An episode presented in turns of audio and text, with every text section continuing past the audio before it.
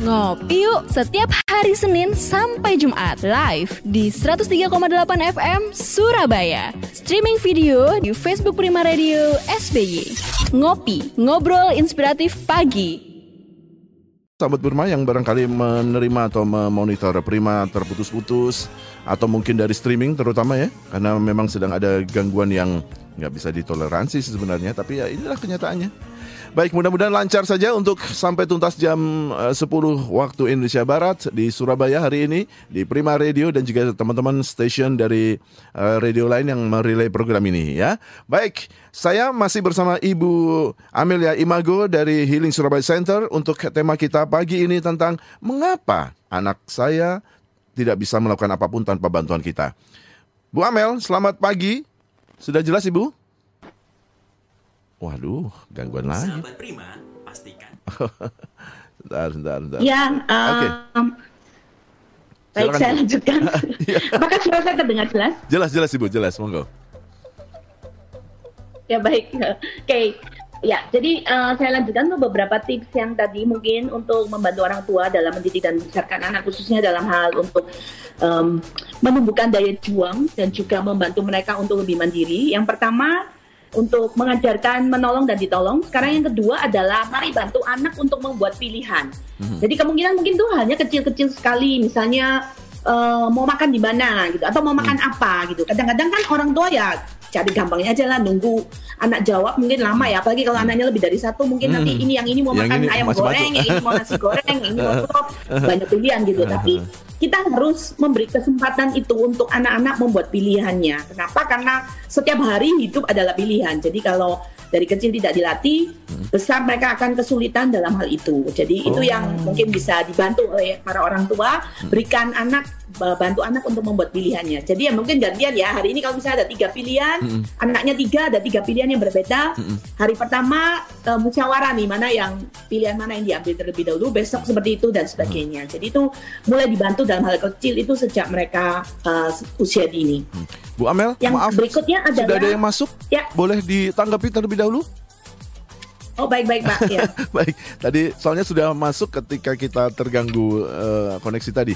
Dari Ibu hmm, Ibu apa tulisannya kurang jelas begini ya. Eh, nanti coba saya cek lagi ya. Oh, ibu, maaf, Ibu Harum. Ibu Harum di Surabaya, usia 32 tahun. Eh, sekarang ini em, saya mempunyai anak usia 4 tahun. Em, kelihatannya mereka eh, an- eh, anak saya yang nomor 4 yang usia 4 tahun ini sudah biasa melakukan sesuatu.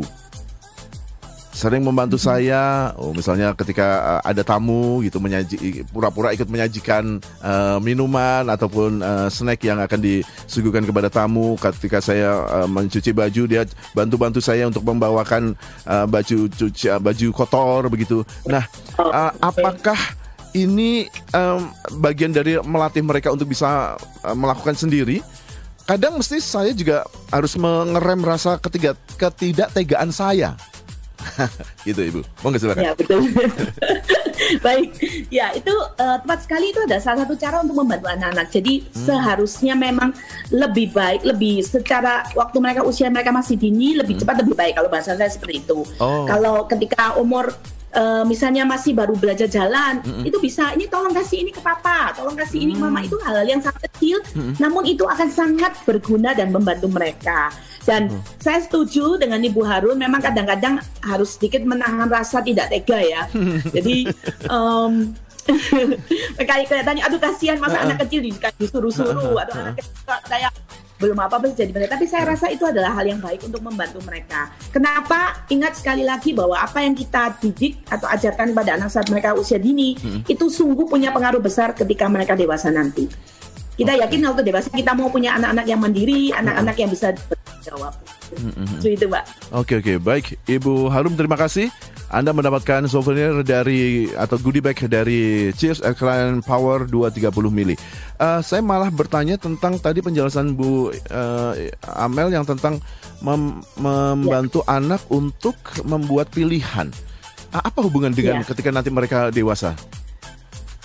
Kalau nggak usah anak-anak sebenarnya ketika nggak usah tunggu dewasa sebenarnya ketika di dalam setiap kehidupan kita dalam fase pertumbuhan dan perkembangan Hmm. sebenarnya kan adalah pilihan apalagi kita yang sudah dewasa pasti menyadari hidup itu benar-benar adalah pilihan Hmm. ketika mereka berlatih dari kecil untuk membuat pilihan dan mereka tahu setiap konsekuensi dari pilihan yang eh, nantinya kan akan ada konsekuensinya dari setiap pilihan yang diambil. Saat mereka dewasa nanti membuat pilihan bukanlah hal yang sulit buat mereka. Apalagi kalau itu adalah sesuatu yang em, urgent matter misalnya tiba-tiba ada kejadian yang tidak diharapkan terjadi. Nah apa yang harus dikerjakan? Anak-anak akan belajar untuk bisa membuat pilihan dengan tepat. Itu yang eh, kenapa saya eh, ini salah satu tips yang untuk orang tua eh, lakukan atau ajarkan untuk anak-anak saat mereka usia dini. Iya, Bu Amel, eh, pilihan ketika misalnya nih ki- kita sebagai orang dewasa ngerti pilihan A, B begitu kan? Kita harap Ya. mereka akan memilih pilihan A menurut kita, Hmm. menurut kita. Tetapi ternyata si anak itu memilih yang B.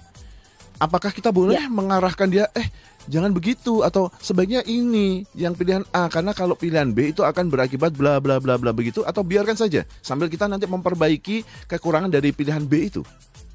Ya, Eh, kalau untuk anak yang usia dini biasanya kan eh, mereka tidak bisa mendapatkan penjelasan terlalu panjang. Artinya, Oh, oke. misalnya kalau kamu memilih makan nasi goreng, nanti kamu akan batuk lalu kamu ini dan sebagainya kan.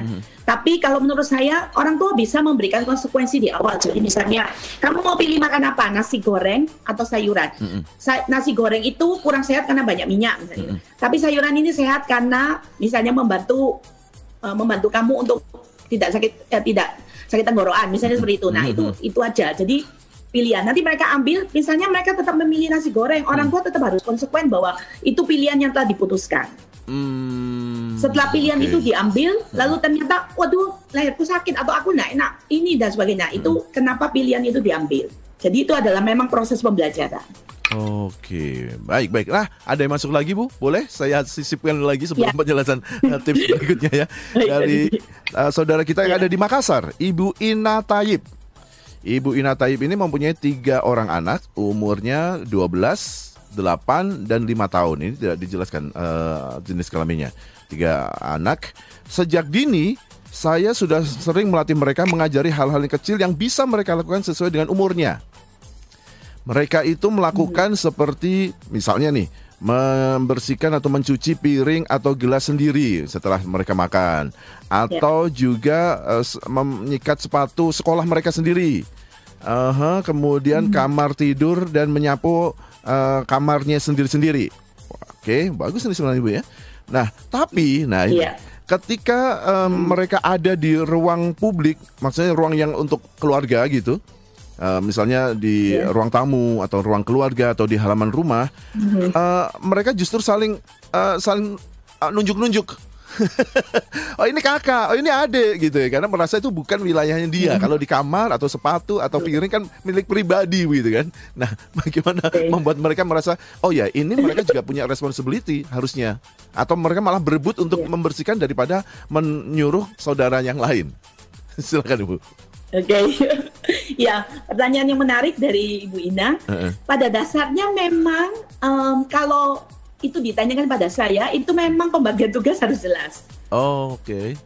Jadi memang walaupun itu adalah wilayahnya, misalnya di ruang tamu kan, ini punya siapa dan sebagainya, itu orang tua bisa memberikan awalnya kalau misalnya itu masih eh, ini kan ada usia yang udah mulai remaja ya anaknya, Mhm, jadi mhm. mungkin bisa mulai diajak diskusi gitu. Kalau yang ini kira-kira siapa yang akan bertanggung jawab? Kalau yang ini dan Oh. sebagainya, memang harus ada pembagian tugas, nggak bisa di karena kan nggak bisa mereka otomatis akan tahu bahwa oh ya ini saya harus inisiatif Ah, ah. dan sebagainya itu Ah, ah. belum belum pada masanya tapi pembagian tugas harus jelas kenapa dengan adanya kejelasan itu nanti anak-anak yang misalnya anak yang paling kecil tahu kalau yang ini berarti dia yang lakukan yang ini yang tengah yang lakukan yang ini yang besar yang harusnya penanggung jawab lakukan Oh. Oke, tapi saya mau menyambung ke tips yang ketiga nih, Mbak Didi. silakan, silakan. Mungkin sekalian bisa ini. Ha-ha. Jadi sekalian yang ketiga adalah eh, orang tua juga perlu ingat bahwa walaupun katanya anak ini, wih, mereka sangat bertanggung jawab ya. Yang Hmm. ini membantu saya ini bisa merapikan tempat tidur sendiri, bisa ini dan sebagainya. Tapi ingatlah untuk memberikan waktu